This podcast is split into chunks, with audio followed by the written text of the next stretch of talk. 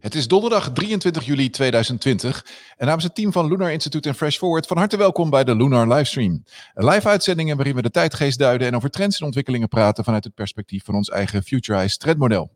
We gaan in gesprek met bijzondere gasten die betrokken zijn bij inspirerende initiatieven die naadloos aansluiten op de veranderende behoeftes van de toekomst. En uh, vandaag praten we met uh, Pien de Ruig.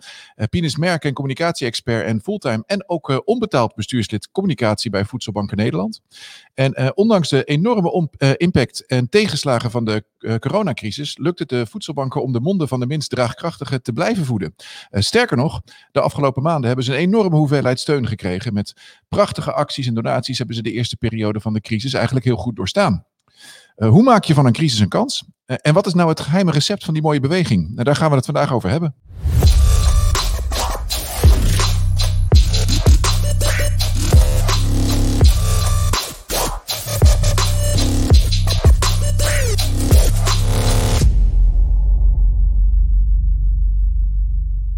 Welkom Pien. Dankjewel. Leuk dat je er bent. Uh, welkom in de livestream. En uh, ook dankjewel voor dat je het, uh, dat, dat mooie, inspirerende verhaal van de voedselbanken vandaag met ons wil delen.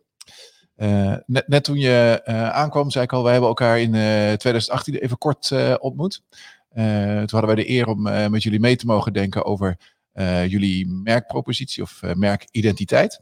En uh, ik dacht, misschien is het ook wel leuk om daar even kort te beginnen. Niet zozeer met wat we gedaan hebben, maar wel van een paar jaar geleden.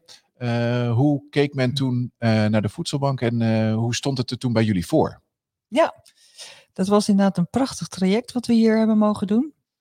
Um, ja, als je kijkt naar die voedselbanken, die zijn in 2002 opgericht, echt als grassroots organisatie, vaak vanuit de garage van mensen die zagen dat er bij hun in de gemeente armoede was. Die zagen dat er voedseloverschotten waren. En die dachten van nou, 1 en 1 is 2. We gaan dat voedsel uitdelen aan mensen die tijdelijk zelf niet redden. Um, dat was dus letterlijk vanuit garages en slaapkamers en huiskamers werd dat georganiseerd. En als je in 2018, toen we bij jullie zaten voor de merkpropositie, zagen we dat we in dat merk van die voedselbanken prachtige waarden, naast bekendheid fantastisch, uh, prachtige waarden als in goede doelen, maar wel heel erg gekoppeld aan dat armoede-domein.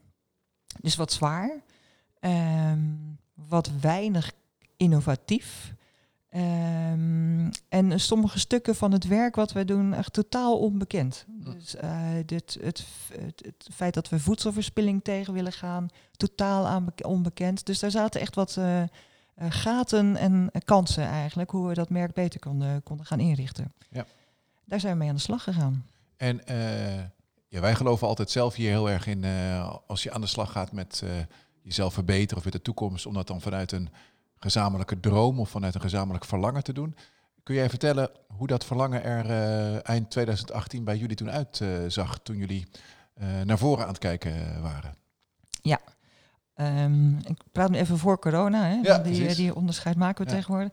We zagen toen dat er in, in, in de voedselbank hielpen eind vorig jaar 150.000 mensen aan eten. En wij zagen dat er een grote groep mensen was die ook behoefte had aan eten, die niet in staat is om zelf elke dag een uh, maaltijd op tafel te zetten, maar die zich om redenen van onbekendheid, schaamte, wat dan ook, zich niet melden bij de voedselbank. Nou, die totale groep schatten we in op 450.000 mensen. Dus dat betekende dat we gewoon een aantal mensen niet bereikten. En het imago en bekendheid van de voedselbank was daar een onderdeel van. Wat deden de voedselbanken klassiek en, en om allerlei goede redenen nog steeds? Die delen kratjes uit. Dat is het, was het klassieke beeld. Nou, die droom van die voedselbanken was um, een veel warmere, uh, opener uh, omgeving te creëren. Waar mensen zich welkom voelen. Dus waar je niet voor schaamt, maar waar je gewoon welkom bent als mens. En waar wij jou gewoon helpen aan voedsel. Want wij zamelen dat voedsel toch in, want anders wordt weggegooid. Dus ja. kom maar, wij, wij, de, wij zijn er voor jou. Dus wij zagen een plek waar uh, je niet zozeer een kratje kreeg, maar wat, wat we inmiddels ook heel veel voedselbanken hebben, is een soort winkel waar mensen zelf kunnen pakken. En natuurlijk binnen de grenzen van de voedselbank, want we hebben niet het assortiment wat de, de retailer heeft, maar wat wij hebben wordt geëtaleerd in een soort winkel. Mensen mogen zelf pakken, er loopt iemand mee, die maakt een praatje. Hoe gaat het met je? Wat heb je afgelopen week gedaan? Veel mensen die in armoede leven zijn ook eenzaam komen natuurlijk nergens. Een buskaartje is duur. Dus dat moment bij de voedselbank is ook een contactmoment. En uh, dat op het moment dat je je boodschappen doet en je hebt een gesprek met een vrijwilliger die belangstelling heeft, die ben je nog buiten de deur geweest deze week. Dat warmte in dat contact brengen was ook een onderdeel. Dus die ideale voedselbank, die had een winkel, maar die had dan ook een ontvangstruimte waar je je welkom voelt. Uh, ideaal OV's, het OV die heeft natuurlijk van die mooie stationshallen waar het gewoon gezellig toeven is, waar een goede kop koffie geschonken wordt. Nou, dus het idee van een, een, een wachtruimte waar je koffie hebt, waar je uh, kinderen een boekje kunnen pakken, um, waar ook uh, hulpverlening aanwezig is. Want wat veel mensen ook niet weten, die voedselbanken, die, wat wij doen is eten geven. Maar wij brengen mensen ook in contact met derden die ervoor kunnen zorgen dat mensen weer zelfredzaam worden. Ja. Dus dat zijn verschillende soorten hulpverlening kan dat zijn. Maar wat wij wilden in die ideale omgeving is dat ook die hulpverlening aanwezig is. Dus dat mensen een wachtkamer hebben, een gesprek kunnen met hulpverleners, hun eten ophalen, contactmoment hebben en weer naar huis gaan. Ja, dus eigenlijk een plek waar je in plaats van zeg maar, met tegenzin uh, naartoe moet, naar een plek waar je ook gewoon graag komt en ook even wil uh, verblijven. Waar je welkom bent. Ja. waar je je welkom voelt en waar je gewoon uh, mag zijn en jezelf mag blijven zijn. Ja. ja. En, en naar welke doelstelling heb je dan zo'n droom of zo'n zo'n toekomstbeeld vertaald? Gewoon heel concreet. Wat wilden jullie eind 2018 over een paar jaar bereiken? Dan moet ik iets vertellen over hoe onze organisatie in elkaar zit. ik ben dan actief voor de landelijke vereniging. Er zijn 171 voedselbanken in Nederland lid van onze vereniging. Dat zijn zelfstandige stichtingen. Dus die hebben een eigen verantwoordelijkheid, eigen winst- en verliesrekening. Die zijn zelfstandig uh, verantwoordelijk voor het reilen en zeilen van de voedselbank. Dus wij kunnen niet als een soort hoofdkantoor zeggen van willen jullie nu gaan verbouwen en dit en dat gaan doen.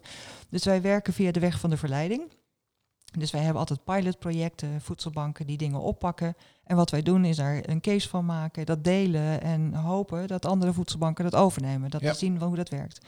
Dus de visie was, even weer voor corona, uh, pilot cases vinden en uh, dat uitrollen. En dan uh, weet je, als 80% of 60% meegaat, dan maken we al enorme slagen. Ja, ja. ik ben ook wel benieuwd van als je nou terugkijkt, die paar jaar, even, we hebben nog steeds even het eikpunt op voordat corona uitbrak. wat heb je toen zien gebeuren? Op, op welk deel ben je dan het meeste trots? Um, nou, een enorm groot project is, uh, dat is eigenlijk daarvoor, was het project Voedselveiligheid. Um, we hebben alle voedselbanken gevraagd om zich te laten toetsen of ze voedselveilig zijn en zo niet. Uh, om te kijken wat is er nodig om voedselveilig te worden. Mhm. En dan heb je het over investeringen in geld, en weet ik het, in koelcellen, in betonvloeren, nou, noem het allemaal maar op. En investeringen in kennis, om alle vrijwilligers ook de kennis te geven, hoe ga je voedselveilig om. Toen al die voedselbanken voedselveilig zijn geworden, kregen wij van onze retailers en producenten ook meer eten aangereikt. En dat was echt een voorwaarde om deze stap te kunnen hm. doen. Want als je geen eten hebt, kun je wel heel klantvriendelijk worden. Maar als mensen niks meer naar huis krijgen, schiet het ook niet op. Nee. Maar door die, dat hele project voedselveiligheid en die enorme prestatie van die voedselbanken, kunnen we nu zeggen dat we structurele toevoer van eten hebben, waardoor we nu deze fase in kunnen. Uh, om, om dat klantvriendelijk fase 2 in te gaan. Ja, ah, mooi, mooi. Grappig dat de, de basis wel goed op orde moet zijn om dan ook aan zijn droom te kunnen, kunnen werken. Ja. Ja, we hadden het net al in het voorgesprek even over uh, dat trendmodel van ons, wat, uh, wat FutureEyes uh, heet. Dat we een aantal thema's voor de, voor de toekomst, voor het komende decennium hebben gedefinieerd vanuit onze toekomstvisie. En een van die thema's is aandacht. Je hebt het ook al een paar keer genoemd de afgelopen minuten. En um, waar het een beetje om gaat, is als je naar aandacht kijkt, dat, dat wij als mensen of als maatschappij de komende jaren steeds meer behoefte hebben aan echte menselijke uh, aandacht en, en warmte. En andersom, dat de aandacht die wij delen met anderen of aan anderen geven, dat we daar ook wat selectiever in, in zijn. We gaan, we gaan pas onze aandacht verdelen aan, of aan iemand geven als we ook denken van nou, daar kan het op een of andere manier ook waardevol zijn. Dan krijg ik er ook iets voor terug of, of is, al is het een goed gevoel.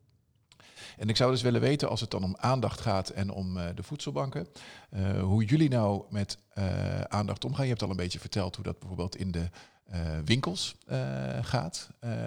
wat betekent aandacht ook bijvoorbeeld naar vrijwilligers toe? Nou, dat was wat ik ook aan zat te denken. Wat de voedselbanken natuurlijk ook uniek maakt en mensen niet weten, is dat bij ons uitsluitend vrijwilligers zijn. Dus bij ons wordt helemaal niemand betaald. En ehm, dat doet enorm veel voor de motivatie van mensen. Want ehm, mensen kiezen er zelf voor om hun tijd en energie in die voedselbank te steken. Ja. Ehm, het scala aan mensen wat zijn hulp aanbiedt, wat bijdraagt, is enorm divers. En juist door aandacht voor elkaar en respect voor elkaar kun je een team gaan bouwen. En er zijn natuurlijk, ja, je kan niet zeggen je, krijgt geen bonus of weet ik veel. Dus je moet het echt met elkaar doen. En aandacht is daar in mijn visie in ieder geval een heel belangrijk onderdeel van. En respect voor elkaar, van iedereen die iets bijdraagt, dat is goed hè? Ja. Dus, uh, en dat kun je ook alleen maar vasthouden door ook dat respect te tonen. Ehm, en dat met elkaar vast te houden.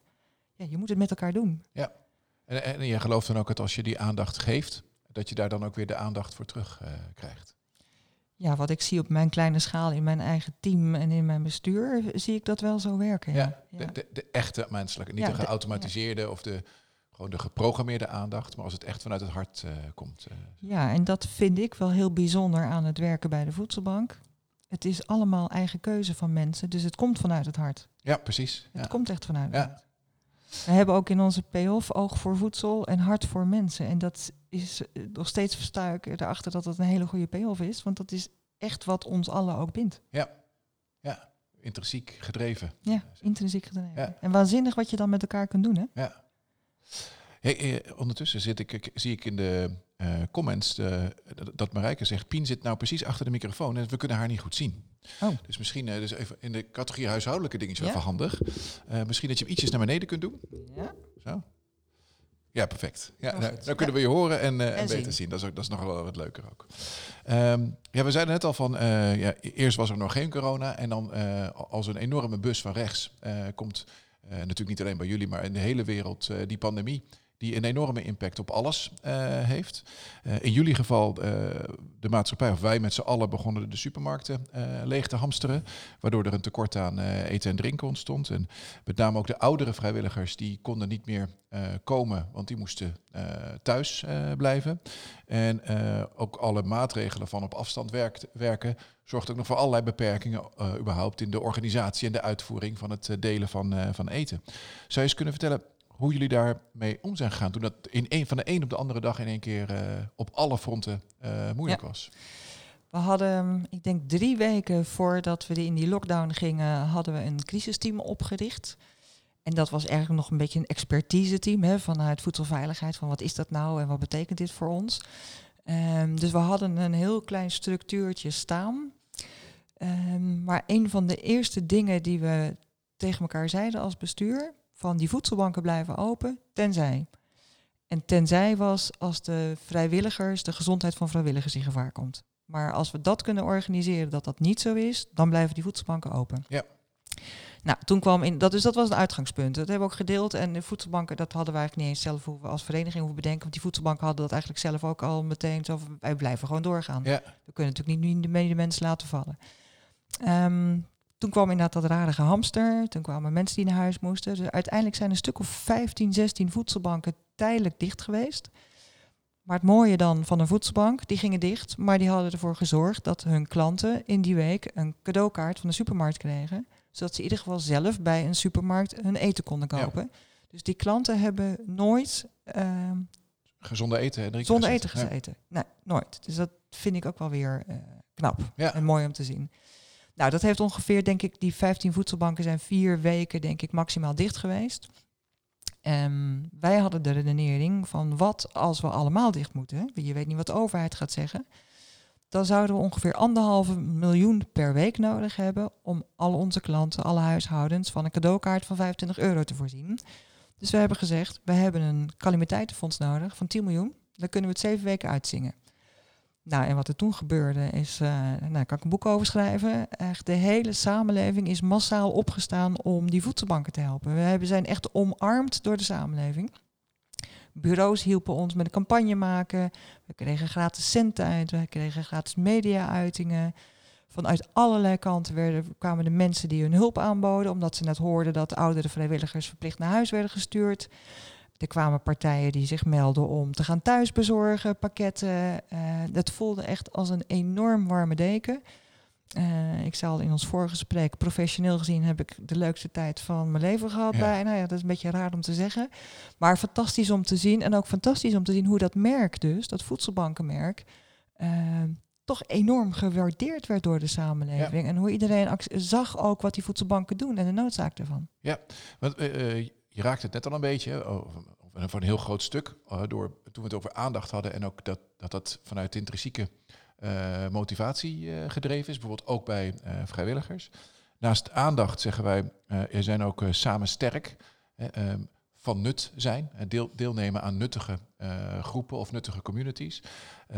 en, dat, en dan samen vanuit met elkaar bereik je meer dan, dan alleen.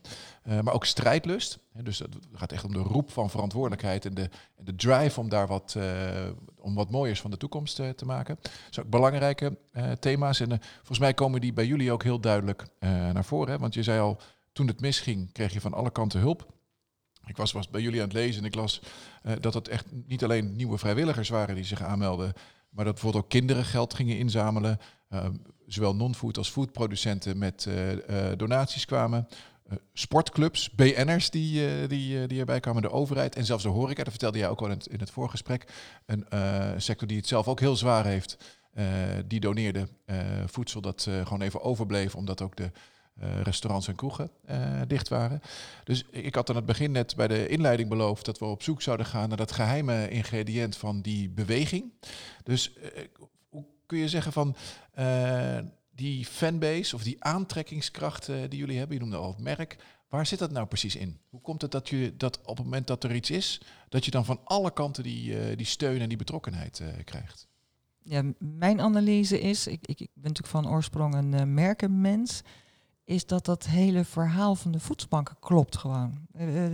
er is gewoon geen spel tussen te krijgen. Dus als je een, een, een brandmanager zou zijn, dan zou je het niet beter kunnen bedenken dan die voedselbanken ooit zoals opgericht te zijn. Je hebt dat verhaal van voedselverspilling tegengaan en zorgen dat eten wat je anders weggooit en wat nog goed is, om dat te geven aan mensen die tijdelijk even niet redden. Ja.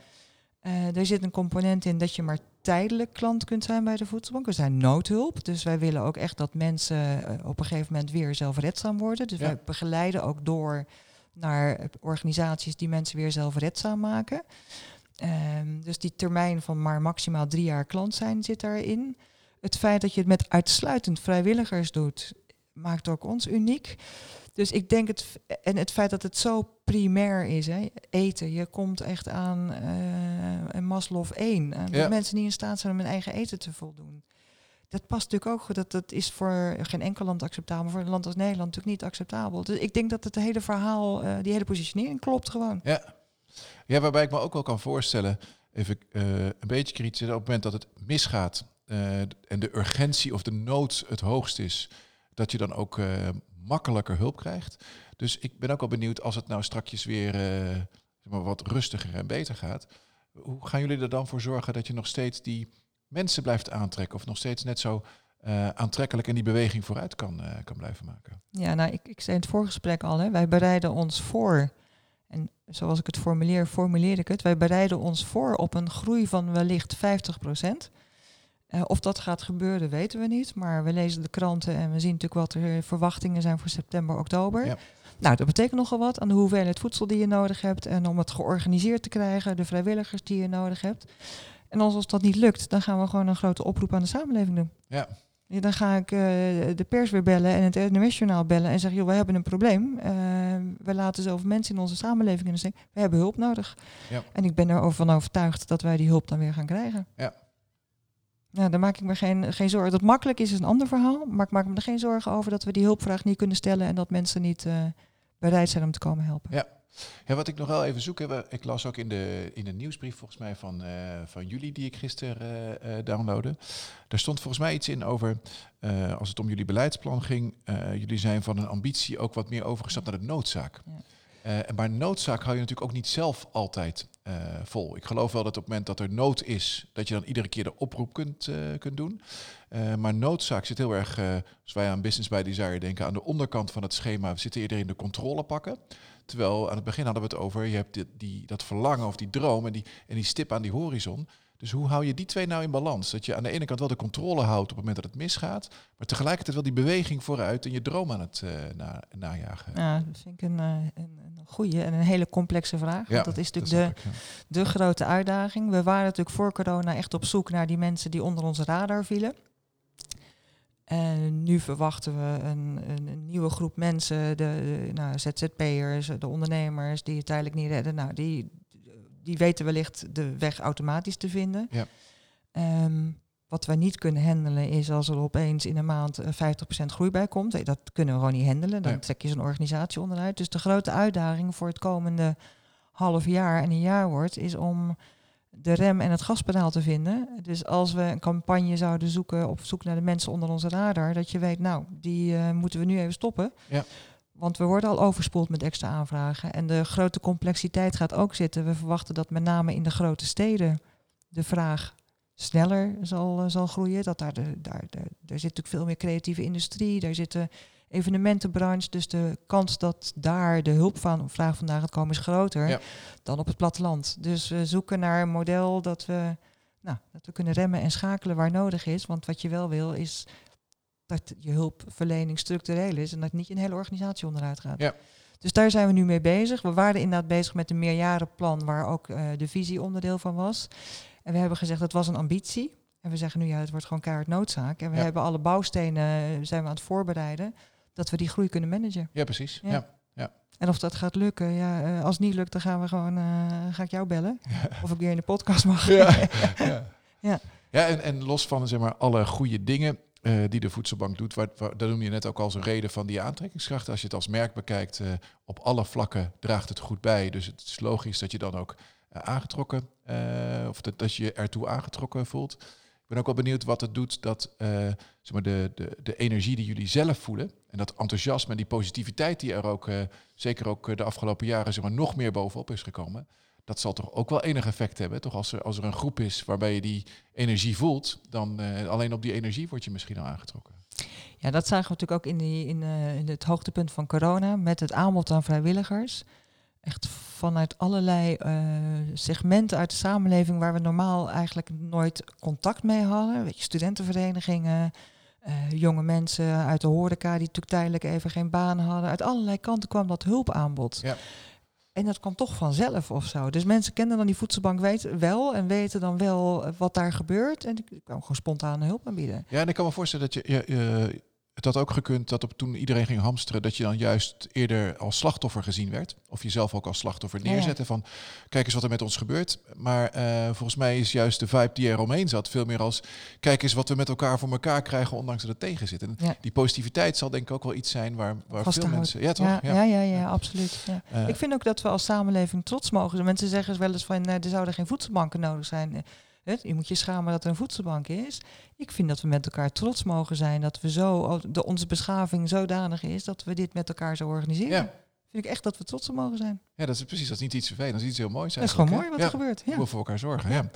Uh, twee weken geleden, toen was uh, uh, Sabine Kam bij ons de gast in, de, in de podcast. Misschien heb je hem geluisterd. Zij is de Purpose Acceleration Manager van Heineken Nederland. En betrokken bij een initiatief waarmee zij, Social Capital heet dat, arbeidsplaatsen voor beschikbaar maken de komende jaren voor mensen met een afstand tot de arbeidsmarkt.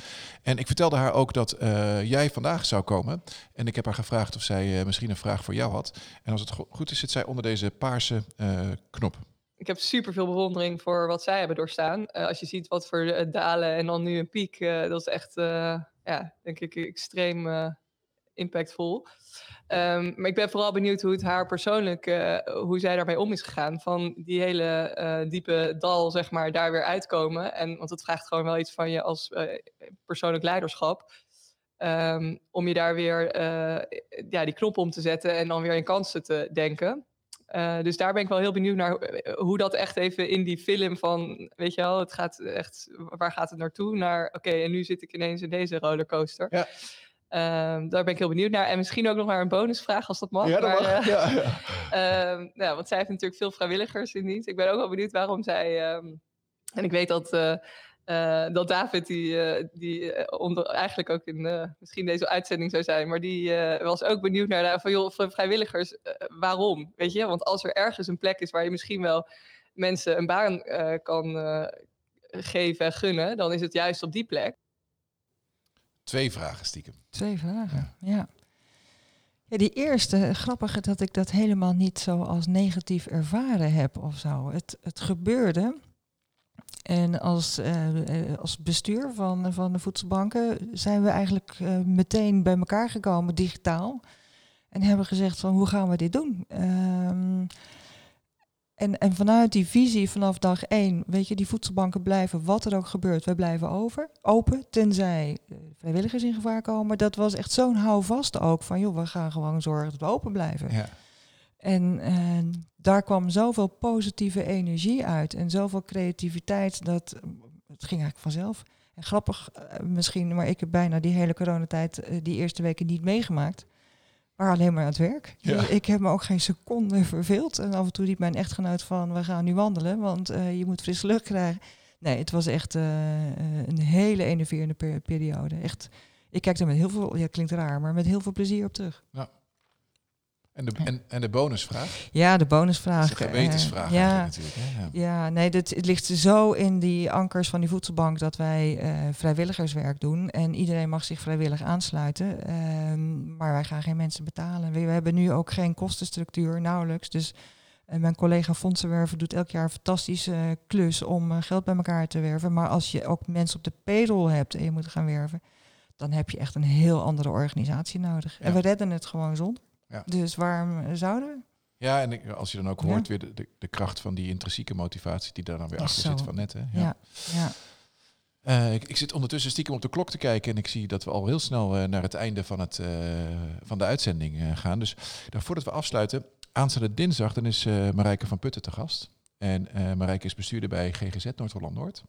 met haar ga ik het hebben over de voordelen van, van technologie. Hoe je eigenlijk technologie op een hele menselijke manier in kan zetten om uh, misschien nog wel meer aandacht te geven dan wanneer je uh, soms face-to-face contact met elkaar kan, uh, kan hebben.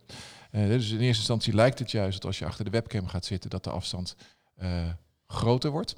ja, misschien wel fysiek, maar je kunt dus ook veel dichterbij komen. Marijke is ook echt voorstander daarvan. En ik was benieuwd, als jij haar nou een vraag zou mogen stellen volgende week, wat zou jij haar dan vragen? Inhoudelijk is dit natuurlijk echt zo waanzinnig interessant. Want ehm, eh, als ik nu terugkijk naar vergaderen met Teams en Zooms, ik zou denken, je mist toch wat emoties van mensen. Je hebt niet alle dimensies die je hebt als je in een eh, gesprek met elkaar zit. En als je kijkt naar klanten van de voedselbank die bij ons de eerste keer langskomen en op intake komen, dat is altijd nog fysiek. Ja. Dus mijn vraag zou zijn, ik zou zo graag als voedselbanken leren hoe zij dat doen en wat dat ons eventueel zou kunnen brengen. Ja. Ook in het kader van schaamte, dat je naar die voedselbank toe moet. Als wij online een in eerste gesprek kunnen doen, waardoor we drempels verlagen. Hoe doen we dat? Dat je toch die vertrouwensband kunt krijgen met. Ik zou er heel graag haar verhaal horen en leren. Wat kunnen voedselbanken leren van dat proces wat zij ingaat? Ja, met onze klanten. Ja. ja. Uh, voordat we nou op uh, uh, stop drukken, dacht ik van we hebben, we hebben heel veel besproken. Ik ben ook heel. ik vind het een heel mooi verhaal hoe zeg maar, mensen die echt gedreven uh, een bijdrage willen leveren, hoeveel energie daarin zit. En als je er dan ook nog gewoon heel sterk, zoals jij het merkverhaal uh, omheen uh, ja, creëert.